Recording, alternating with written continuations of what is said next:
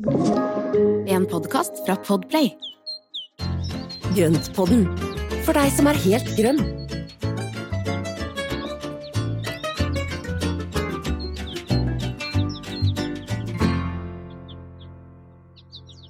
Velkommen til Grønnpodden. Nei, gud, det hørtes så teit ut. Det Hørtes sånn flytur.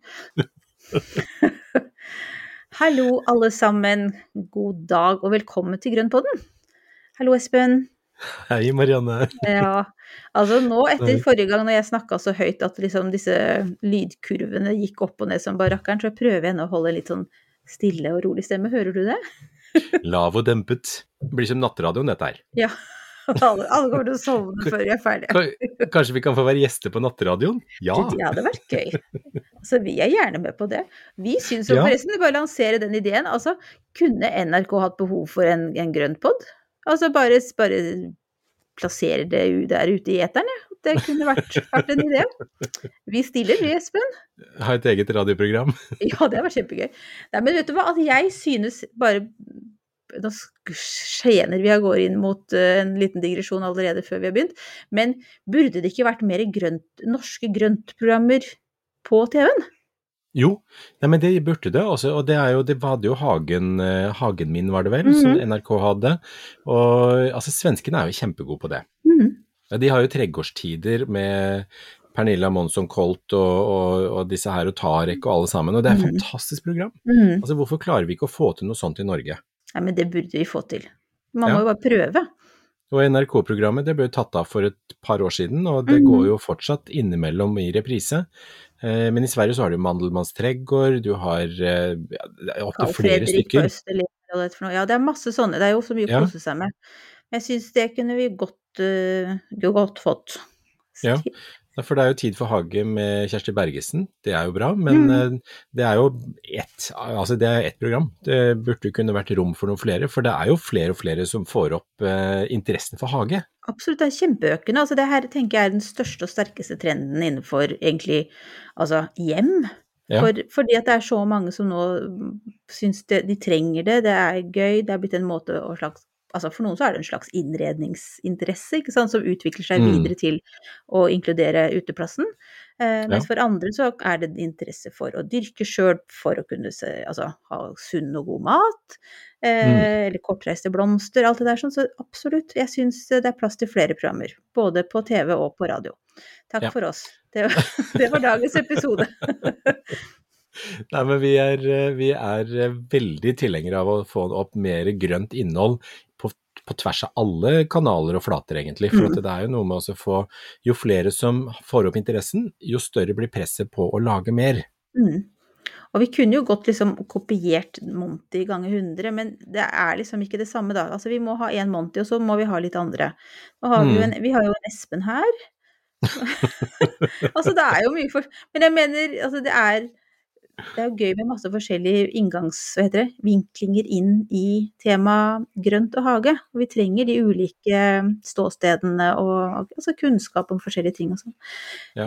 Men det er jo der jeg også er så glad i tregårdstider, for at der Mm. har de både gjenbruken med, med hun Malin, og så har du da litt mat, og så har du litt binderi, så har du liksom snekring og ordning og fiksing, og det er liksom du følger prosessen over lang tid. Mm. Og så er det også noe med at det der er det tips som hver enkelt kan få til sjøl, eller kan adoptere til sin egen hage og sitt eget uterom, og det syns jeg er viktig.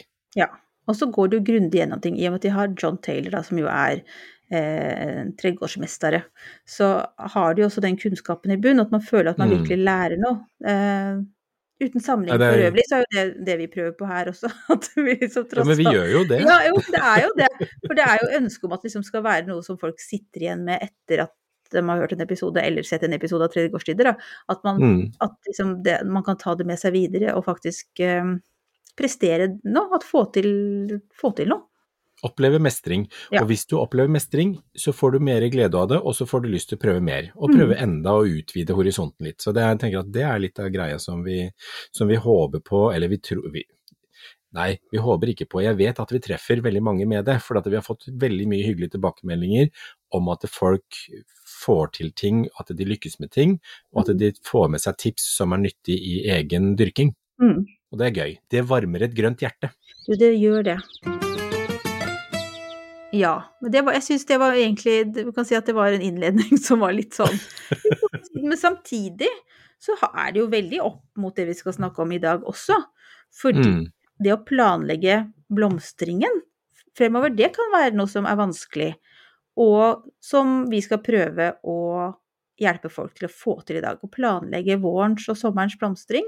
Det her Mm. blir løke, blomsterløkbonanza de luxe i dag. um, ja. Skal vi bare snurre i gang da, Espen, på det her sånn? Ja, og det, det er jo liksom det å investere nå, gjøre litt grann jobb nå, så er det bare å kose seg, lene seg tilbake og vente på våren, og så er det bare å nyte det som kommer opp etter hvert. Og ingenting er så spennende, syns jeg, da, er å, å pirke i gammelt løv fra i fjor og se hva som titter opp, og når det da titter opp av bakken. Mm, herlig. Skal vi se, skal vi begynne med om det er forskjellige Hvor er det lurt å begynne? At kategorier av type blomsterløk, eller skal vi si jeg tenker plassering først, jeg. plassering først? Ja, men da begynner vi Ja. med plassering da, Espen. Så bra.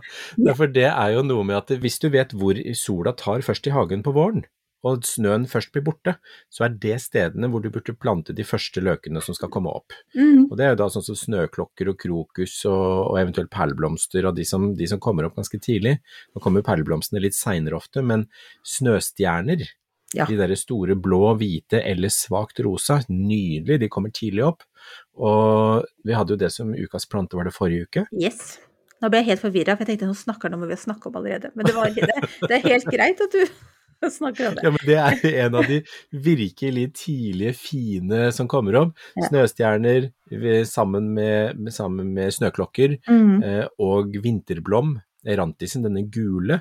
ja. Eh, og alt dette her, det er jo blomster som også er kjempefine for insektene. Som, altså de første humlene og biene som våkner opp om, om, om våren. Mm. Og det, er- det syns jeg er så fint poeng.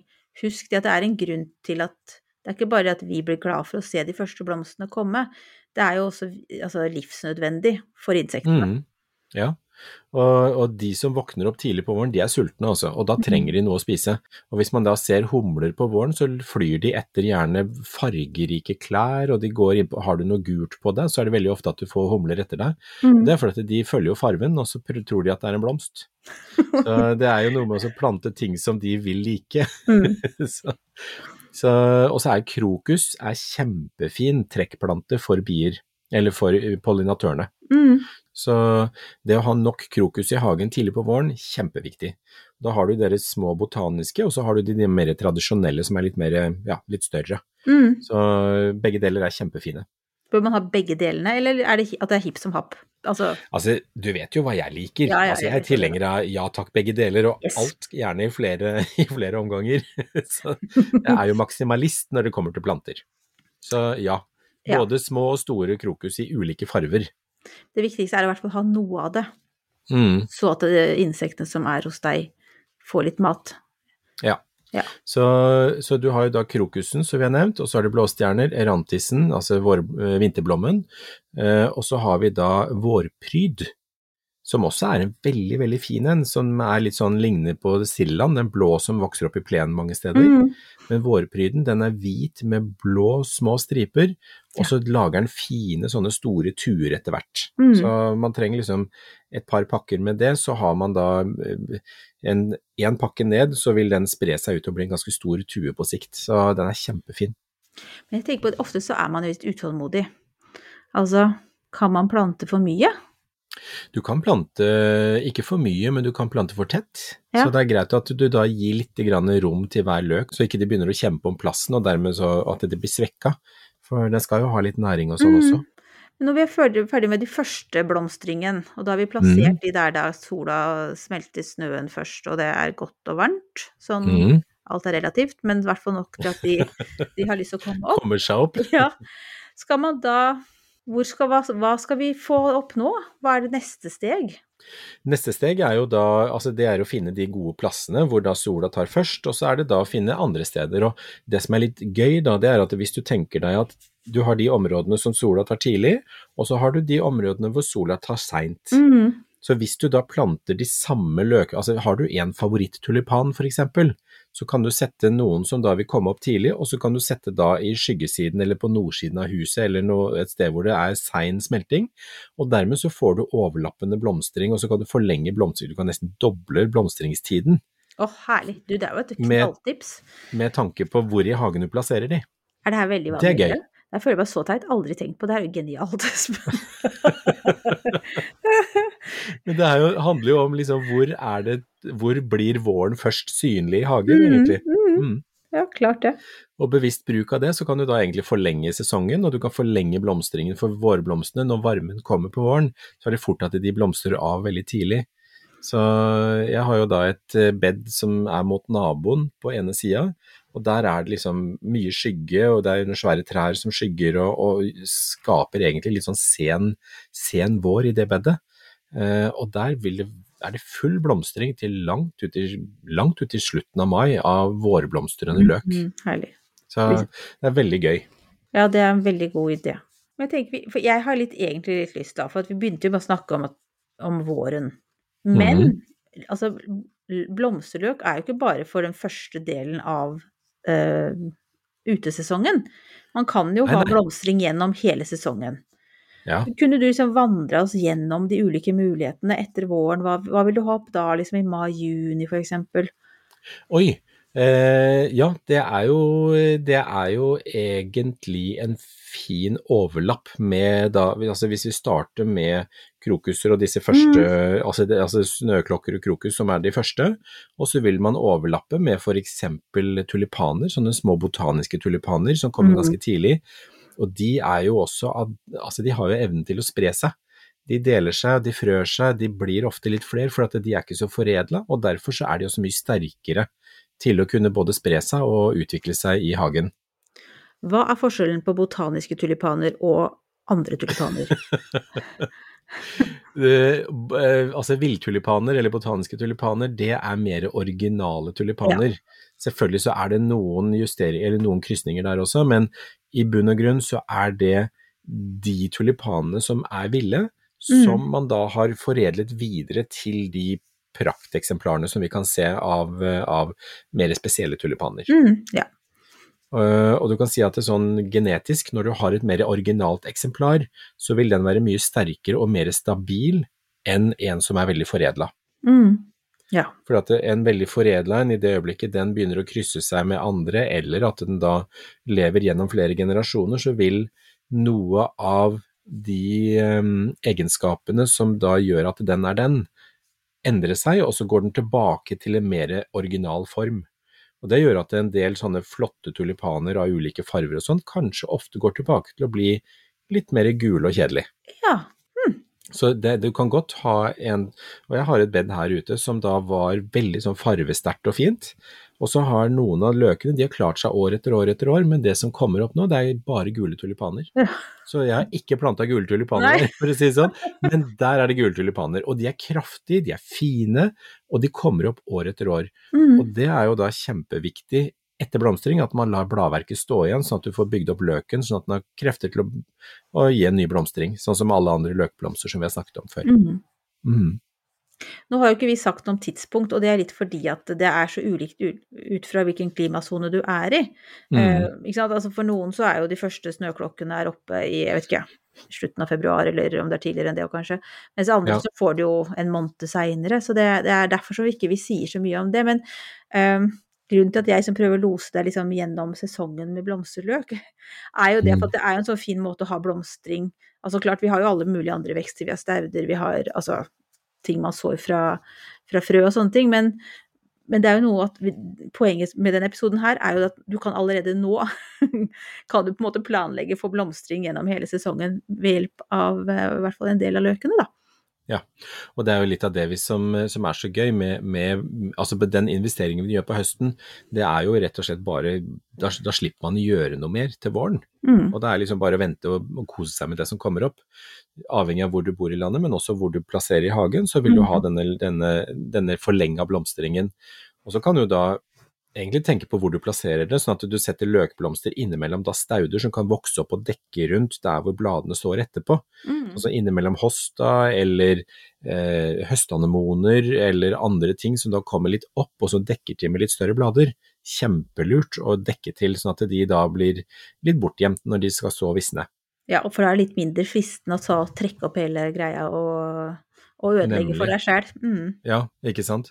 Og så har du jo da, når da villtulipanene har kommet, så har du jo da en del som kommer etter det. Det er jo da gjerne de større tulipanene. Mm. Eh, fritillaria, disse her nydelige ruteliljene. Det er noe av det I- vakreste på jord. Fra burgunder til Ja. hvitt. Altså, det fins jo ikke noe finere. Ja, nei, vet du hva, det er en Det må jo være noe alle liker. ja, ikke sant. Ja. Uh, og de frør seg veldig fint rundt i hagen, og Mm. det som jeg har opplevd her, det er at jeg har jo plantet begge fargene. Men fordi jeg har latt de frø seg gjennom da flere år, så er det akkurat som det er noen som kommer opp med ulike sjatteringer fra den ene til den andre fargen. Ja, Så det virker, det virker som om det er rett og slett ulike krysninger som eh, dukker opp. Ja. Igjen har du litt av det at igjen noe av det samme som du snakket om før, da, med at det, de endte opp med gule tuli- tulipaner i bedet ditt. Mhm. At det er Det ligger liksom latent i dem en del uh, egenskaper som ikke man ser ved første øyekast, i første Ja, året. Og så Mm. er det noe med at når du har to foreldre, så, så får du litt av egenskapene til begge foreldrene hvis det er en kryssbestøvning. Mm. Og det er jo veldig spennende. Altså, jeg syns jo genetikken er kjempespennende Ja, i det er det. forhold til egenskapene der. Mm. Og det er jo derfor vi også tidligere har snakket om dette med F1-hybrider, hvor du har en kontrollert bestøvning mellom to foreldre som gir et Mm. avkom med helt spesielle egenskaper. Neste ledd, som da vil være F2, det, da vet man ikke hvilke egenskaper som blir med videre. For da er den ukontrollert. Ah, Og det, så det samme F2 det er liksom være ikke menneskeskapt, da. Der tar naturen over igjen.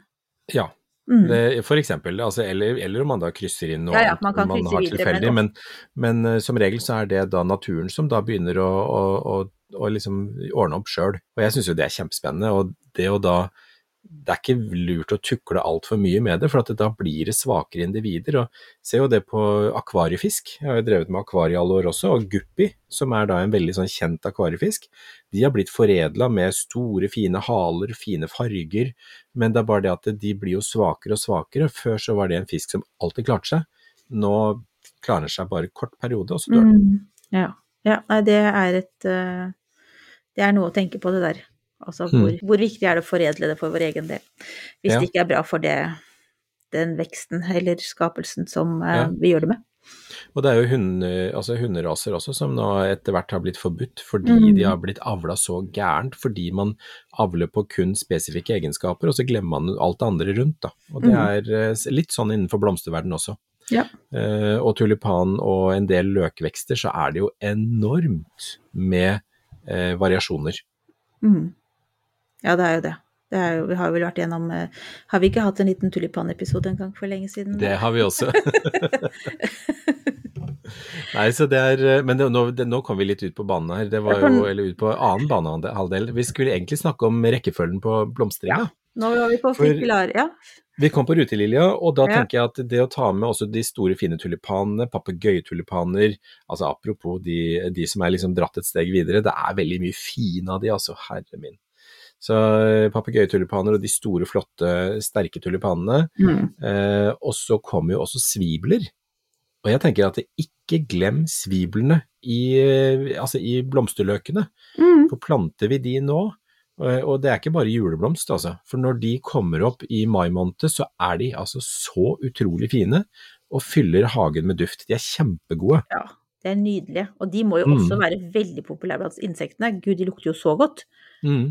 Så jeg vet ikke hvor, altså, hvor mye pollen de gir, men det var i hvert fall veldig godt besøkt av, av humler og bier her i hagen, altså. Mm. Og jeg hadde jo da disse knallblå stående sammen med eh, glaucidium, eller det er sånn eh, den blek rosa eh, valmuevariant, som da er litt sånn kjølig rosa sammen med det blå, og så litt rødt. Det var kjempefint. Så superfine blomster. Men hvis vi da skal bare ta litt ekstra på svibelen, da. Mm. Hvis da man er jo glad i svibel under jula, som du sier, Ja. skal man da plante ikke Da tar man vare på dem, og så Ja. planter man dem ut når jorda har tint. Og så vil de komme igjen år etter år etter år. Mm. Hvis de da står på et sted med veldrenert jord og hvor de trives. Men du får kanskje ikke noe ut av den første sommeren eller våren etter at du planta dem ut, men du må Nei. vente litt til. Ja, så første sommeren så, så skjer det ikke så mye, for at da har den egentlig brukt opp alt kruttet på den blomstringa til jul, Eh, så da trenger den egentlig et år på liksom å samle krefter og liksom jobbe seg opp igjen til den da har krefter til å blomstre på nytt igjen. Men da Så- bare, for nå tenkte jeg at det her var et veldig godt forbrukertips. Ja, det er, det Sparer er man på sviblene? Skal man da vanne de mens de visner? Skal man, hva, skal man, hva kan man gjøre mens man venter på å plante dem ut? Etter blomstring så er det lurt å da fortsette å vanne på de, gjerne gi de litt gjødsel, la de stå lyst og litt kjøligere, så hvis man har et kjøligere vindu, så kan man da sette de der. Eventuelt gi de litt større potte med mer jord. Eh, og så bare fortsette å dyrke på de til våren kommer, og så plante de ut, og så vil de visne ned i løpet av sommeren. Mm, takk. Så det er en veldig grei måte å gjøre det på hvis man har plass til å ta vare på de.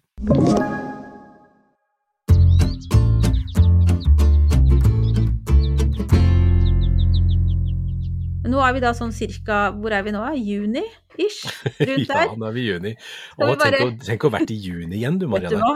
Altså, Det hadde vært så deilig. Hele sommeren foran oss, og nei, liksom, å, nei, det har vært godt. Ja. Ja ja. Nå er det ull og blåst, takk. Men eh, all, all tid har sin Det sjarm, for nå kan vi jo planlegge og drømme og sånn. Det kan være litt hyggelig, det også. Eh, er men i hvert fall. I Vi hadde ikke gjort dette her i juni. Det Nei hadde da. Nei, det hadde vi ikke gjort. Da hadde vi bare gått rundt og Hva hadde vi gjort da? Soignert? Er det ikke noen av oss som gjør det? Ja. Soignert og klippa plen og kosa Ja. oss. Mm. Nei, men du, hvis jeg tenker, i og med at jeg nå har liksom lagt oss ut på denne ferden gjennom eh, blomstringens tid, skal vi Ja. si liksom hva Nå har vi da dekket opp med løk som blomstrer til sånn midten, forkant av høysommeren, Mm. og så da tar vi bare noen tips sånn ut rett, resten av sesongen. Ja, og da har jeg veldig lyst til å ta med aller først den derre store, fine alliumen som heter Ambassador eller noe lignende. Altså Mm. store, feite kuler med, med, med allium. Uh, og de er bare Altså, de er Elsker, så fine. De Elsker er så fine. Og de er altså så godt besøkt av insektene. Det er, eh, det er massevis av humler og bier på de hele tiden. Eh, Så alliumen den står jo til langt ut i juni, og så kan man også putte inn martagonliljene Mm. som er ganske høye, små, fine blomster som vrenger seg litt bakover. Ja, det er kjempefint. Den uh, blir vel også kalt for krøllilje, tror jeg. Ja, vi sier Tror jeg. det. Ja. Men eh, martagonliljene, superfine. Og så har du alle disse asiatiske liljene og uh, disse her hvite, eh, hva det heter, madonna-liljen, eller hva det er for noe, som mm. også er som god duft. Fine, super Altså, det er så mye fint. Og de står jo til Litt avhengig av hvor i landet, men de står opp til i hvert fall til juni-juli. Mm. Og da er det jo rett før vi kommer inn på høstblomstrende løk igjen. Og de kjøper vi og planter også nå. ja, for vi snakka om i forrige episode. Hvis dere ikke har fått med Ja. det, så kan dere høre på den. Mm. Mm. Så, så der er vi, da, og da vips så er hele ringen slutt da. Yes. Da tar vi med svibel og amaryllis til jul, så er vi ferdige med det. Ja, og det må jeg også si, amaryllysen, nei Ja. jo, amaryllysen, hvis du glemmer den kjølig, så ikke bekymre seg. Sett den ut til sommeren, eller sett den ut sånn i april, begynnelsen av mai, og så la den få lov å stå ute i en potte. Altså, jeg hadde det i år. og Den har, jeg aldri hatt så fin amaryllys noen gang i hele mitt liv. Den sto rett og fin, stilkene knakk ikke, alt funka bra. Og det beste av alt, at når den var ferdig med å blomstre, så var løken fortsatt saftspent og stor. Mm. Og det betyr at da har den faktisk klart å hente tilbake såpass mye Ja. næring at når jeg nå tar inn den, nå skal jeg ta inn den eh, i månedsskiftet eh, september-oktober, så setter jeg den inn, så setter jeg den tørt, lar den visne ned, og så skal den få lov å stå kjølig fram til våren igjen, og så skal jeg sette den ut til våren. Så det er et lite eksperiment jeg har gående. og hvis den da kommer igjen med like god blomstring neste år, så yes, da skal alle mine amaryllis få den syklusen hvert år. Men nå er du sånn at da har du liksom disse juleløkene våre, har du da snudd rundt på til det naturlige, på en Ja. måte, rytmen, ikke sant? Ja, så flytter jeg de til sommeren, for at da har de best vekstvilkår etterpå. Samme som jeg gjør med azaleaen til mormor. Ja. Den står jo ute og blomstrer i, i mai måned, og så tar jeg den inn, og så har den stått ute hele vinteren, nei, vinteren, skal høre, hele sommeren, og så tar jeg den inn igjen til vinteren, og da står den inne kjølig, og, og den, nå har den gjort det i ti-tolv år. Mm. Blomstrer hvert år. Masse fine røde blomster. Kjempefin. Begynner å bli litt svær, da, det er eneste. Jeg ser det på armbevegelsen din at det ble veldig Mm. sånn Stor. ja, nei, men det, nei, jeg har snudd rundt en del, men det er også litt fordi at jeg har lyst til å teste ut hvordan det, det går i forhold til, i forhold til Det er mye enklere å dyrke de, da. mm. Eh, og da følger du en syklus som da sammenfaller bedre med den årssyklusen vi har her i Norge. Mm. Jeg syns jo det er veldig interessant, fordi at eh, tanken på at svibler og amaryllis er liksom til jul, det er jo, sitter jo så godt i tradisjonssjela Mm. eh, at man har jo glemt at det ikke er helt naturlig. Så det er bare morsomt å få det perspektivet på det. Ja, ja, men så bra. Og det er jo litt sånn avhengig av hvordan de, altså hvordan de vokser i andre land, og der er det jo det er kanskje mer ja, det er kanskje mer, mer juleblomst der fordi den vokser naturlig eh, og blomstrer kanskje naturlig til jul, f.eks. Mm. julestjerna. Ja. Den blomstrer jo da ved juletider i sydover. Og så har vi tatt og adoptert den som en juleplante her, fordi Mm. den da er juleplante et annet sted. Blir inspirert, vet du. Sånn er det. Her i utlandet. Nei, men du, vet du hva, jeg syns det her er eh, Nå har vi egentlig, syns jeg vi har eh, dekka hele sesongen med blomster. Og hvis du har Mhm. lyst til å ha svibel til jul, så er det lov. Vær så god. Du kan ha begge Ja, delene. og amaryllis til jul. Kjære all verden. Jeg skal, jeg skal ha amarylliser til jul, Ja. altså. Så det er ikke ikke, det vi mener. det. Men det er bare det er litt gøy også, å, å se at det går an å ha det med jorda òg. Ja takk, begge deler. Yes. Men du, jeg tenkte på at én ting er jo å kunne sette blomsterløk i et eh, bed.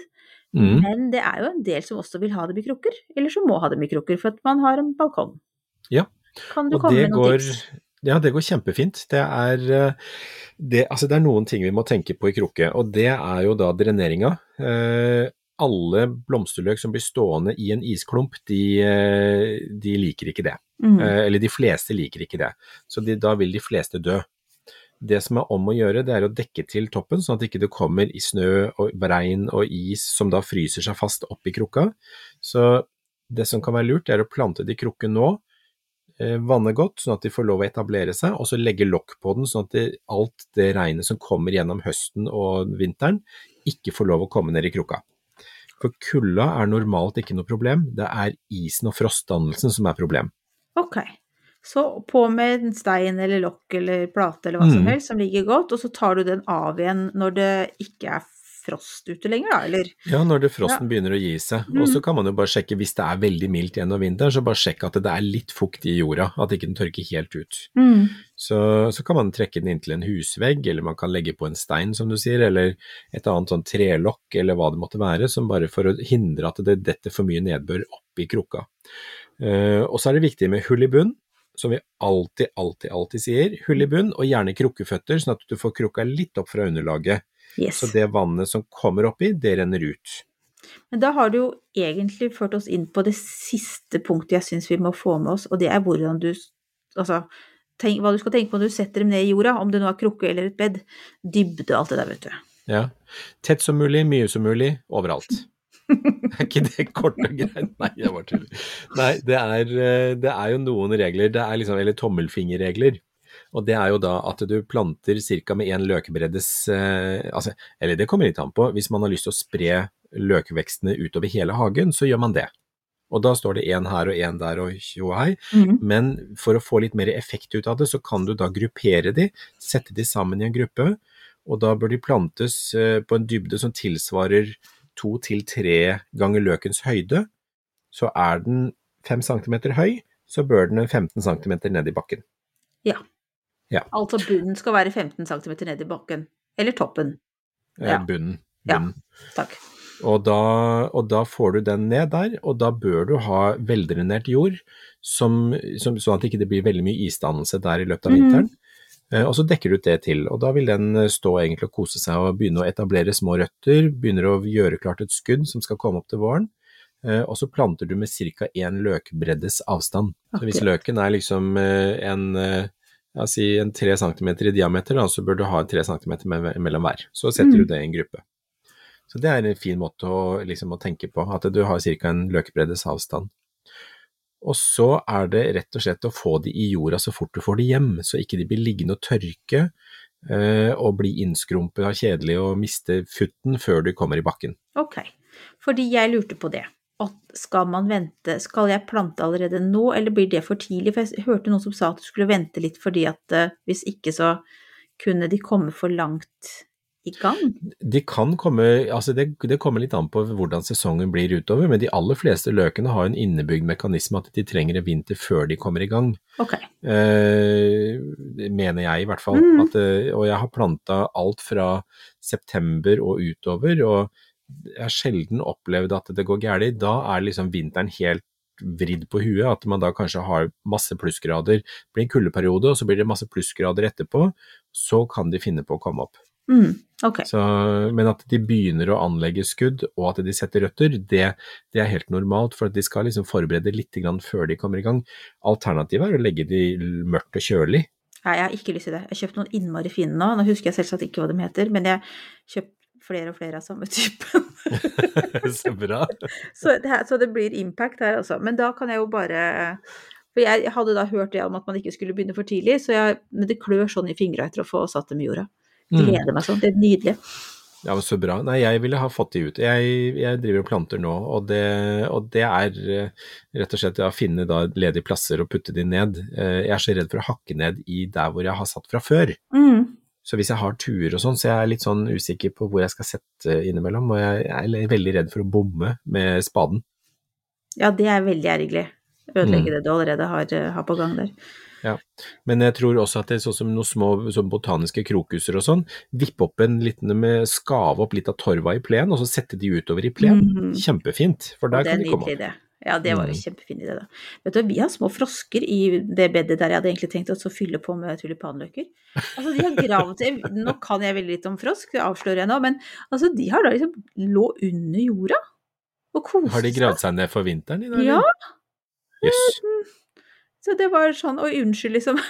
Nå skal jeg legge på dyna di Her, her, bor, her bor du, liksom. Ja, sorry.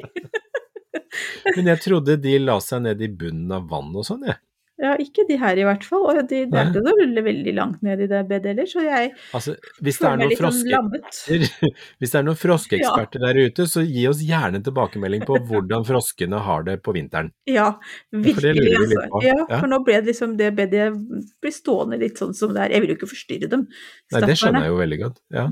Ja, tenk, uff a meg. Tenk hvis du skuffer i stykker de, da. Det ville jo vært Å, helt forferdelig. Uff, nei. nei, nå snakker vi ikke mer om det. Men da er vi vel egentlig Er det noe mer du har lyst til å si om blomsterløk? Ikke annet enn å kjøpe kvalitetsløk. Eh, kjøp løk som er frisk og fin, og, og sånn hvis du, hvis du får kjenne på den og se på den og sånne ting, at den ser frisk og saftspent ut. Mm. Eh, og så kjøp fra, fra gode leverandører.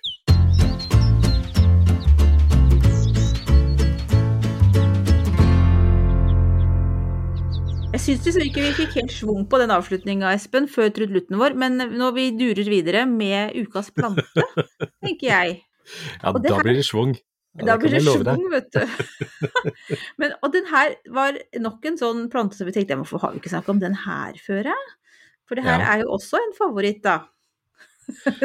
Altså, nå har vi snart Altså, nå er vi på episode 94. Altså, mm. tenk det, folkens. Det er altså så mange, det er så mange timer med Grøntpodden. Men det som vi da har gjort, det er at det, vi har jo så mange favoritter i alle de episodene. Så den favorittlista, den er griselang. Ja. Vi har fortsatt ikke snakka om en plante vi ikke liker. Nei. Nei, nei, vi liker alt. Vi Og liker det er liksom, vi, vi er veldig for mangfold, og det, det er jo en del av det vi, det vi liksom ønsker å fremsnakke, da, det er altså å få mer mangfold. Og denne gangen så skal vi snakke om en av mine absolutt store favoritter, og vekking av barndomsminner. Mm, Og det er- ja.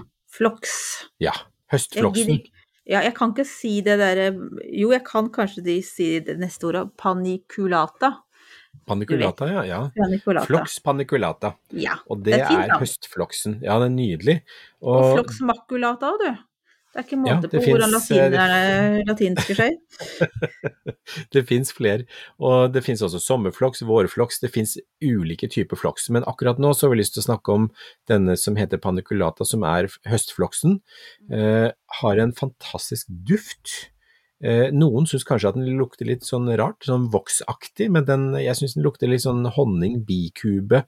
Jeg syns det lukter kjempegodt.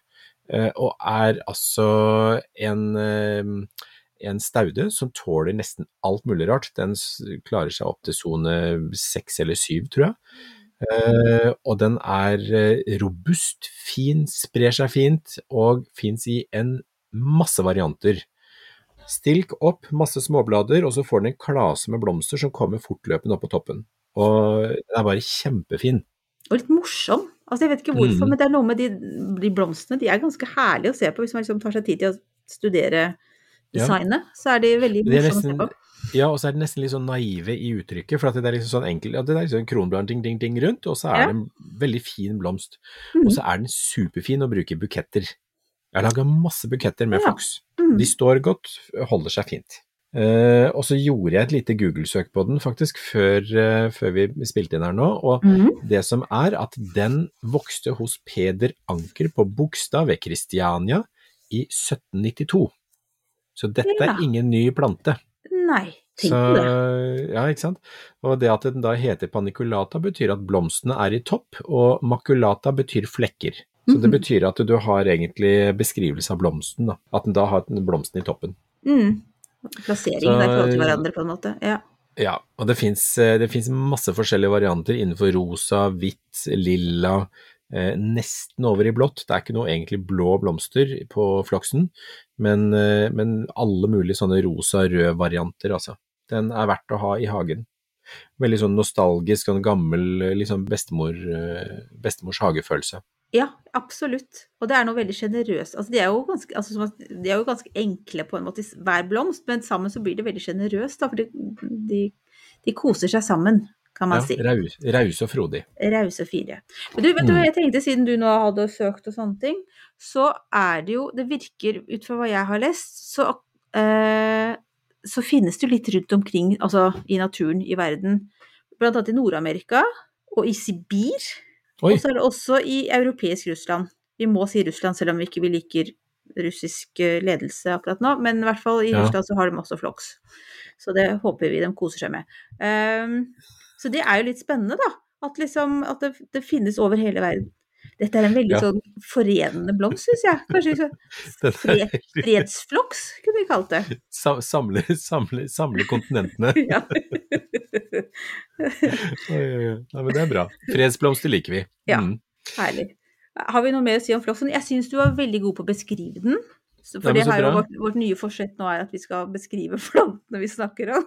Ja, så at man kan se det for seg. Ja. Nei, ikke annet enn at eh, gå og skaff deg en floks. Eh, Det å kjøpe eller dele eller få tak i stauder nå er superfint. Plant det nå, så blir det kjempefint til våren. Hvilken herdighetssone er vi oppe i? Ja? Jeg tror det var seks eller syv. Ja, og er i Sibir, så tenker jeg den klarer seg ganske Ja, godt det- mange De steder. da. klarer nesten alt, altså. Så Ja. den er kjempehard for. Mm. Mm, herlig. Superfin. Superfin. Ukens spørsmål, Ja. eh, det er om da ikke så hardførerplanter. Eh, og det her, det her altså Jeg tenker at når det kommer et spørsmål om det her sånn et par få episoder etter at vi snakket om det i et helt eget episode, så mm. tenker jeg at det her er noe som veldig mange er opptatt av. Ja. Og, og som man kanskje ikke er så veldig opptatt av før man plutselig står der og er redd for at plantene som står ute skal daue. Så den tar vi og gjentar nå. Når skal plantene inn? Det er da særlig pelargonium og sitrus som eh, det har blitt spurt om her nå. Ja, og det er eh, Vi snakket jo om dette her for to episoder siden, på tide å ta inn stueplantene, og det er jo egentlig litt i samme gata. Eh, og det er et gjentagende spørsmål. Når tar man inn de forskjellige plantene? Og det er liksom Sjekk hva minimumstemperaturen er for den enkelte planten du har. Eh, gjør et enkelt Google-søk på det. Når det da nærmer seg temperaturen på Sånn som hos her, da, så tenker jeg det at når det nærmer seg eh, fem grader på nettene, så begynner jeg å ta inn plantene. Det er sånn som pelargonium, fuksia og egentlig alle middelhavsplantene, sånn som sitrus og egentlig rubbel og bit, så jeg Mm. begynner å plukke inn nå fortløpende. Kaktuser og sukkulenter, de tar jeg litt før, for at de vil jeg gjerne at skal tørke opp før de får en kjølig overvintring. Og når jeg tar inn alt sammen, sånn som hos meg, så putter jeg alt sammen inn i vinterhagen, eh, hvor det da er mellom fem og ti grader og lyst gjennom vinteren. Og så setter jeg på luftavfukter, sånn at jeg ikke har en høyere luftfuktighet enn rundt 70, 70% Ja. Og da tenker jeg det at de plantene som klarer seg der, det er kjempefint. De som ikke klarer seg der, de skal kanskje ikke bo hos meg. Den var grei. Så det er regelen. Mm. Tåler Er det strengt? Er det Ja, det var litt Ja, var strengt. litt Men sånn- samtidig så tenker jeg at altså- du har hundrevis av planter, så det er ikke så rart. Du må lage noen regler for deg sjøl for å overleve der, tenker jeg. Men det som er at jeg har nå liksom fylt opp et helt rom i kjelleren med plantelys og ting også, for jeg hadde ikke hjerte til å la de daue, da. Du hadde Så ikke noe- det, nei, nei. nei, Så tøff var du ikke, nei. nei altså, Altså, jeg ble litt sånn, men jeg tenkte samtidig at det var veldig- fryktelig fornuftig av deg. Det var egentlig lurt, men ok. Veldig, veldig tøff på avstand. Ja. Så, nei, så det er egentlig sjekk ut når det, altså når det blir litt for kaldt, og det er jo da litt avhengig av, av plantesortene. Mm. Så pelargonium, citrus og fuksia, alle middelhavsplantene og alle disse her, de tar jeg inn når det nærmer seg fem grader. Oliven og sånn er sistemann som kommer inn, for den tåler helt ned til null uten problem. Mm. Mm. Ja. Og, og hvis det går for seint, sånn som vi snakket om i episode 91, hvis varmekjære plantene kommer inn for seint, så kan det hende at de har fått seg en knekk som gjør at ikke de klarer seg. Men det kan hende også at det går bra, hvis man tar det inn. Så la dem få lov- litt tid. Alltid lov å prøve seg. Mm. Absolutt. Bra, Espen. Ja, altså, jeg vet ikke om det er vits å spørre deg om hva du gjør nå, for jeg vet at du skriver og skriver, men noe annet gjør du sikkert. Ja, jeg gjør det innimellom, da. Så jeg, fortsatt så driver jeg mater på fisken, og så gjør jeg klart nå tanken til vinteroppbevaringa. Mm. Fordi nå skal det vaskes og renses og, og sånn i filteret der, og så skal jeg ta og, ta og fylle opp med vann fra dammen, slik at du får samme bakteriekulturen i filteret der og i vannet der som det er i dammen. Og det betyr at når jeg da har fått renset og fikset eh, alt sammen, så tar jeg ned da mm, vann derfra, og så tar jeg ut eh, si, slam fra filteret her oppe i Mhm. dammen. Og så heller jeg det i vannet der nede, slik at det går og infiserer filteret der i eh, tanken. Så jeg smitter det med den samme bakteriekulturen. Å gud, det her er så avansert. Og det er rett og slett fordi at da vil fiskene få en sømløs overgang når de blir båret ned eh, i eh, månedsskiftet oktober-november. Ja. Jeg er så glad det er Så- du som skal gjøre det her, og ikke meg. For jeg, jeg, jeg kjenner at jeg blir helt sånn matt i hodet. Du burde hatt akvarie på den, du. Ja, det kunne Også? vi Du, kanskje, kanskje vi skal ha en en episode? Ja. Ja, vi kan lage en episode om fisk. Fiskeepisoden. Fiskeepisoden, ja. Grønnpodden goes fishing. Kan vi ta gullfisk, akvarie og hagedam? Hagedam har vi snakka om før, men vi kan gjøre mer av det. Ja. Ja. Men du da, Marianne, hva skal du gjøre for noe? Hva driver du med for tiden? Du, vi driver og rydder ute, for det er jo et kaos på disse 13 målene. Men Ja. eh, vi eh, Så det er jo sånn Da ramla det treet, da får vi sage opp det, og så blir det ved, og det er vi glad for. Men det vi gjør nå, er øh, å lage bolbane. Det så jeg du la bilde ut. Fy søren, så spennende. Det blir, ja, det blir da Vi har funnet ut at vi ikke er i nærheten av å holde noen sånne offisielle mål. Men vi har da en liten sånn stripe mellom noen trær. Uh, ja, bak uthuset og, og ut mot åkeren, og det er bare et sånn herlig sted når det ikke blåser stiv kuling. Eh, Fantastisk. ja, litt sånn skjerma blant masse høye trær og sånne ting. Og da, når det ene store eiketreet som allerede var halvdødt, ramla over i fjor, så ble det liksom enda mer tydelig at her har vi jo plass til en slags bolbane. Så nå driver vi og legger på sand og tenker på hva Ja, vi skal ha kanter og sånn. Ja, men du må love å legge ut bilde når dere er ferdig, for det ser ut som det blir kjempefint, altså. Jeg tror det kan bli ganske fint. Det blir i hvert fall Ja. unikt. Er det ikke det vi alle vil ha nå? Det blir helt unikt, Espen. Unikt med særpreg, personlighet. Ja, Ja, ja men det skal vi ha. Ja. Mye personlighet og unikhet, det vil vi ha.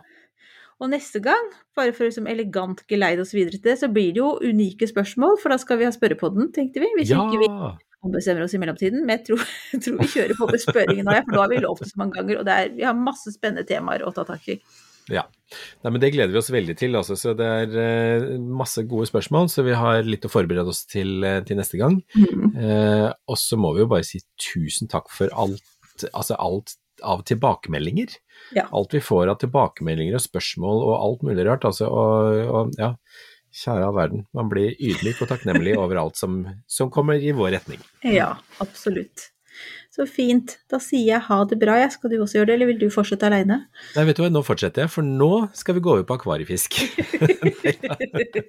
Nei, tusen takk for i dag, alle sammen. Ha det bra. Ha det.